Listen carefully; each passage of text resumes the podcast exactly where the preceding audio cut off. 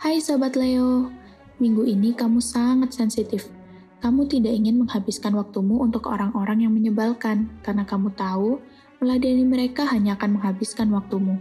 Karena kesensitifanmu juga, kamu akan lebih belak-belakan dengan orang lain. Gak masalah kok, daripada dipendam sendirian.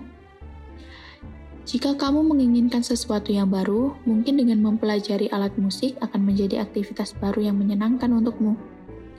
Tidak ada masalah dalam keuanganmu, tapi sepertinya kamu memerlukan ide-ide cemerlang untuk meningkatkan keuanganmu. Lanjut ke percintaan. Percintaan untuk Leo Lovebird. Hubunganmu dengan pasanganmu sedang stabil. Kamu senang karena pasanganmu juga bisa dijadikan sebagai teman atau kakak yang baik. Untuk sobat Leo yang masih single, kamu senang menebar perhatian kepada semua orang. Tapi tidak sedikit loh yang salah mengartikan perhatianmu. Tapi kamu juga senang mendapatkan perhatian dari banyak orang.